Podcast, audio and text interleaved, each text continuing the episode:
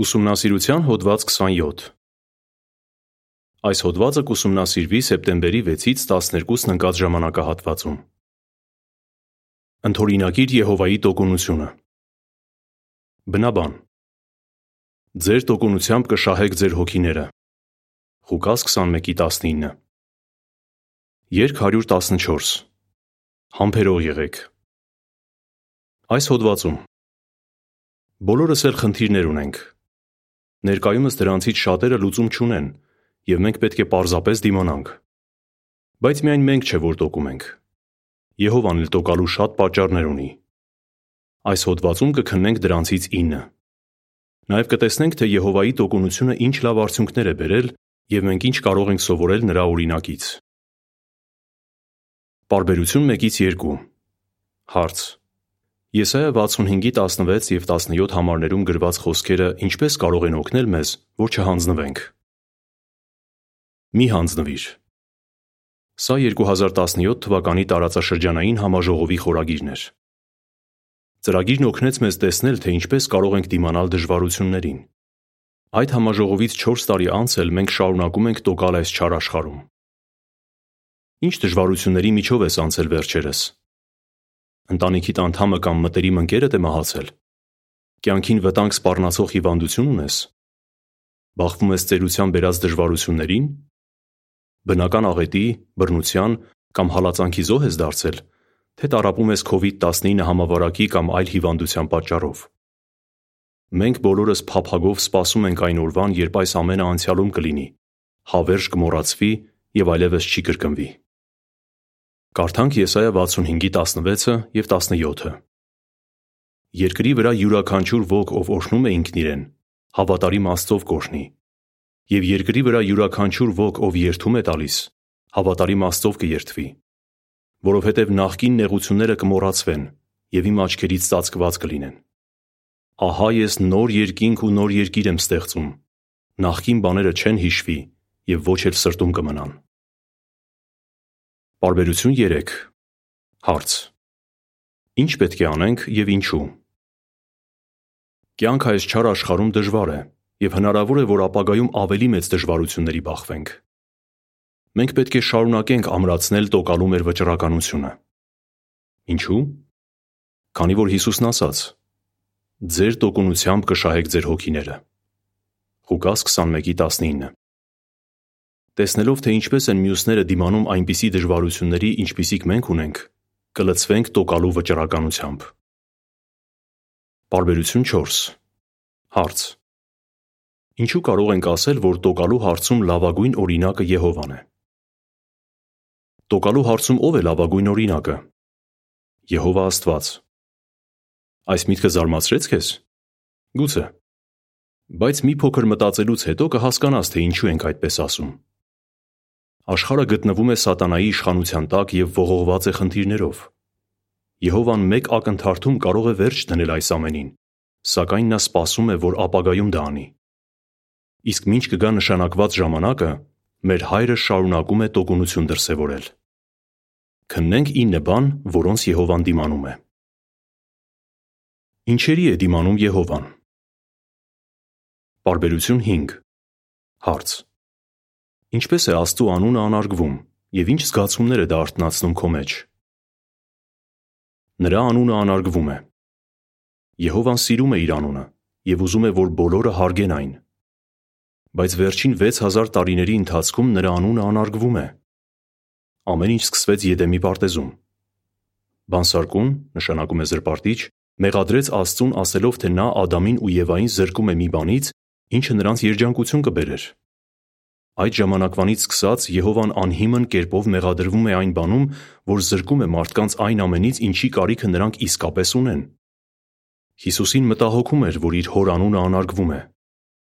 Ուստի իր աշակերտներին սովորեցրեց աղոթել.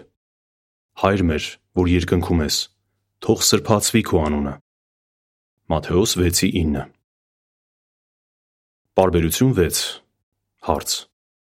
Ինչու Եհովան դեռ չի լուծել իր գերիշխանության հարցը։ Շատերը հակառակվում են նրա գերիշխանությանը։ Եհովան բացարձակ իրավունք ունի իշխելու երկնքում և երկրի վրա, և նրա իշխելու կերպը լավագույնն է, Բայց Սատանան փորձել է մոլորեցնել հրեշտակներին և մարդկանց, դրդելով նրանց մտածել, թե Աստված այդ իրավունքը չունի։ Եհովայի գերիշխանության արդարացման հարցը մեկ օրում լուծելու հարց չէր։ Իմաստություն դրսևորելով Աստված բավականաչափ ժամանակ է տվել մարդկանց, որ իրենք իրենց ղեկավարեն ու համոզվեն, որ Արարչից անկախ լինելով չեն կարող հաջողության հասնել։ Աստծու համբերատարության շնորհիվ այդ հարցը մեկ ընդմիշտ լուծում կստանա։ Նրա գերիշխանությունը կարդարացվի, քանի որ նա կփաստի, որ միայն իր թագավորությունը կարող է իրական խաղաղություն և ապահովություն հաստատել երկրի վրա։ Պարբերություն 7 Հարց. Ովքեր են ըմբոստացել Եհովայի դեմ և ինչ է սպասում նրանց։ Նրա զավակներից ոմանք ըմբոստացել են։ Եհովան իր բոլոր զավակներին, հրեշտակներին և մարդկանց կատարյալ էր ստեղծել, առանց որևէ արատի։ Բայց հետո նրա ըմբոստ որդին՝ Սատանան, նշանակում է հակառակորդ, կատարյալ մարդկանց՝ Ադամին ու Եվային հանեց նրա դեմ։ Սատանայի ըմբոստությանը միացան նաև այլ հրեշտակներ ու մարդիկ։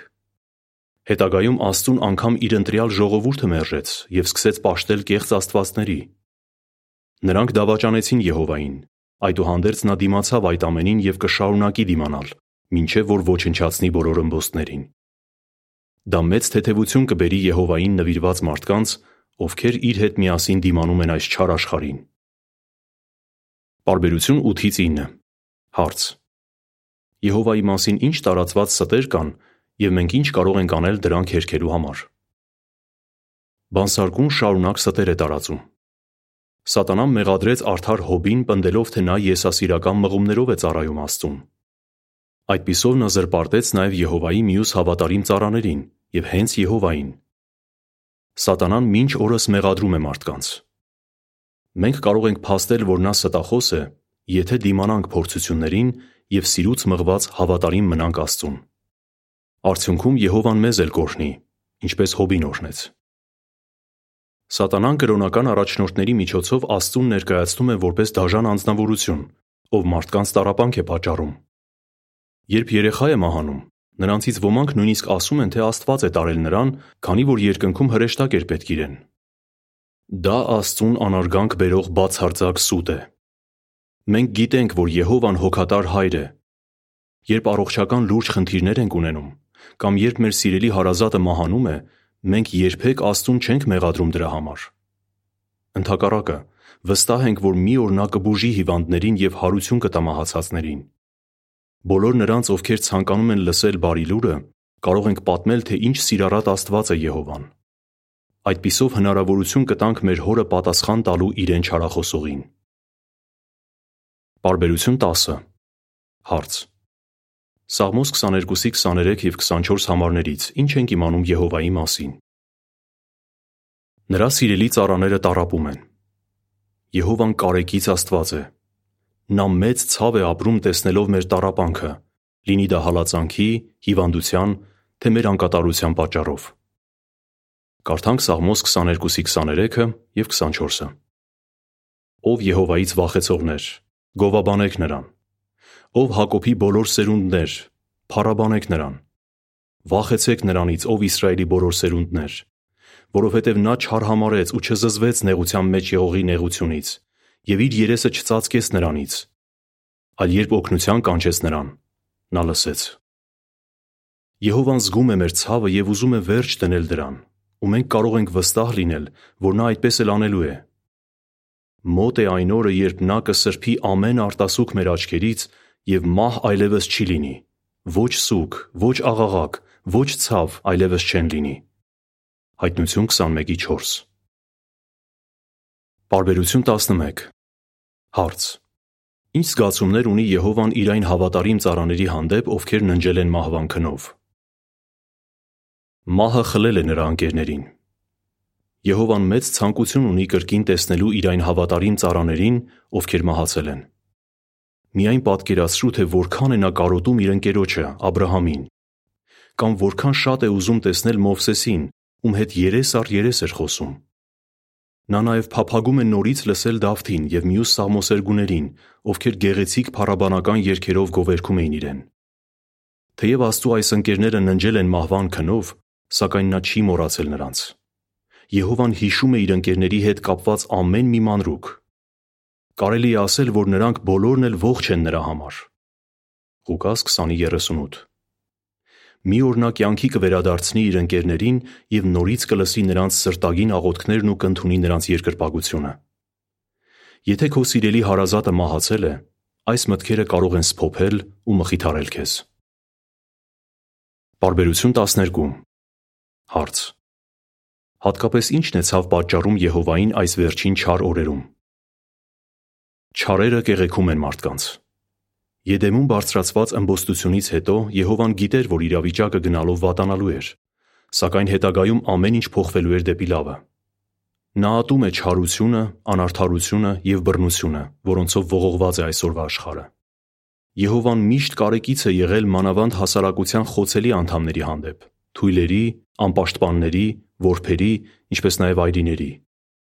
Աստծուն մեծ ցավ է պատճառում հատկապես այն, որ իր ծառաներին հալածում ու բանտարկում են։ Համոզված եղիր, որ Եհովան սիրում է քեզ և բոլոր նրանց, ովքեր իր հետ միասին տոկում են։ Պարբերություն 13 Հարց. Ինչպե՞ս են մարդիկ գնալով բարոյազրկվում,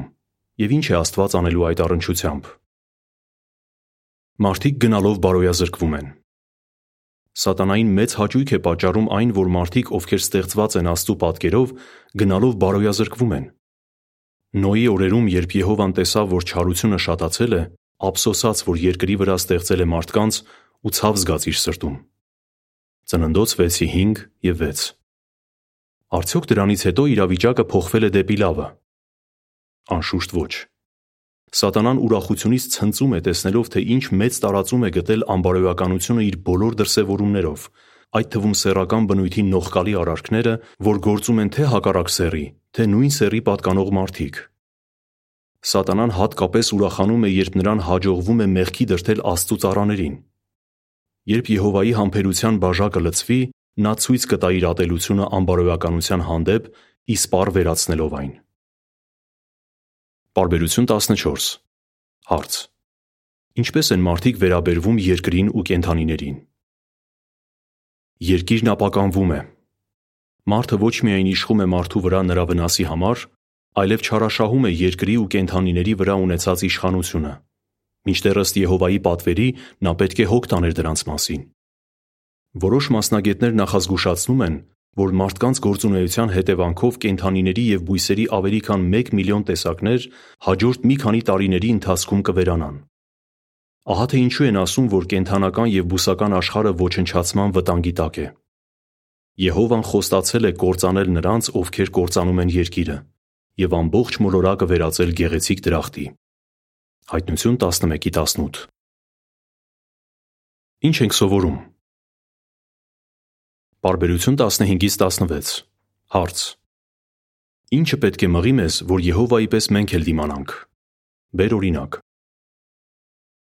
Մի պահ մտածիր ցավ պատճառող այն բոլոր խնդիրների մասին, որոնք մեր երկնային Հայրը հազարավոր տարիներ է ինչ հանդուրժում է։ Եհովան կարող էր ցանկացած պահի վերջ դնել այս չար համակարգին, սակայն նա համբերում է։ Նրա համբերատարությունը մեծ օգուտներ է բերել մեզ։ Պատկերացնենք օրինակով։ Ամուսիններն իմանում են, որ իրենց երեխան ֆիզիկական լուրջ արատով է ծնվելու և ծանր ու կարճ կյանք է ունենալու։ Գիտակցելով, թե ինչ դժվարություններ են սպասում իրենց, ծնողները այնուամենայնիվ որոշում են լույս աշխարհ բերել նրան։ Երեխայի հանդեպ սերը մղում է նրանց դիմանալու ցանկացած դժվարության, միայն թե իրենց զավակը կարողանա ապրել հնարավորինս լավ կյանքով։ Նմանապես Ադամի ու Եվայի սերունդները ծնվում են արատով, այսինքն անկատար։ Չնայած դրան, Եհովան սիրում է նրանց ու հոգ է տանում նրանց մասին։ Սակայն ի տարբերություն օրինակում բերված ծնողների, Եհովան կարող է փոխել իրավիճակը։ Իր որոշած ժամանակին նա կվերացնի մարդկանց տառապանքը։ Միթե մեր հանդեպ ունեցած Եհովայի սերը չպետք է մղի մեզ, որ իր պես դիմանանք այնքան, որքան անհրաժեշտ է։ Լրացուցիչ տեղեկություն Ինչերի է դիմանում Եհովան։ Առաջին՝ նրա անունը անարգվում է։ Երկրորդ՝ շատերը հակառակվում են նրա գերիշխանությանը։ Երրորդ՝ նրա զավակներից ոմանք ըմբոստացել են։ Չորրորդ՝ բանսարկուն շարունակ ստեր է տարածում։ Հինգերորդ՝ նրա սիրելի ծառաները տառապում են։ Վեցերորդ՝ մահը խլել է նրա ընկերներին։ 7-րդ Չարերը կեղեքում են մարդկանց։ 8-րդ Մարդիկ գնալով բարոյազրկվում են։ 9-րդ Երկիրն ապականվում է։ Լրացուցիչ տեղեկության ավարտ։ Պարբերություն 17 Հարց. Հիսուսի օրինակը նկարագրված Եբրայեցիներ 12-ի 2 և 3 համարներում. Ինչպես կարող է օգնել մեզ, որ շարունակենք տոկալ։ Եհովան տոկունություն դրսևորելու կատարյալ օրինակ է։ Հիսուսը լիովին ընդօրինակեց իր հորը այդ հարցում։ Իր երկրային կյանքի ընթացքում նա դիմացավ թշնամական խոսքերի, արհամարեց ամոթը և հանուն մեծ տոկունությամբ տանջանքի ցիցը հանձնարավ։ Կարդանք Եբրայեցիներ 12-ի 2 և 3-ը։ Մեր աչքերը հառել ենք մեր հավատի գլխավոր առաջնորդին ու կատարելագործողին՝ Հիսուսին։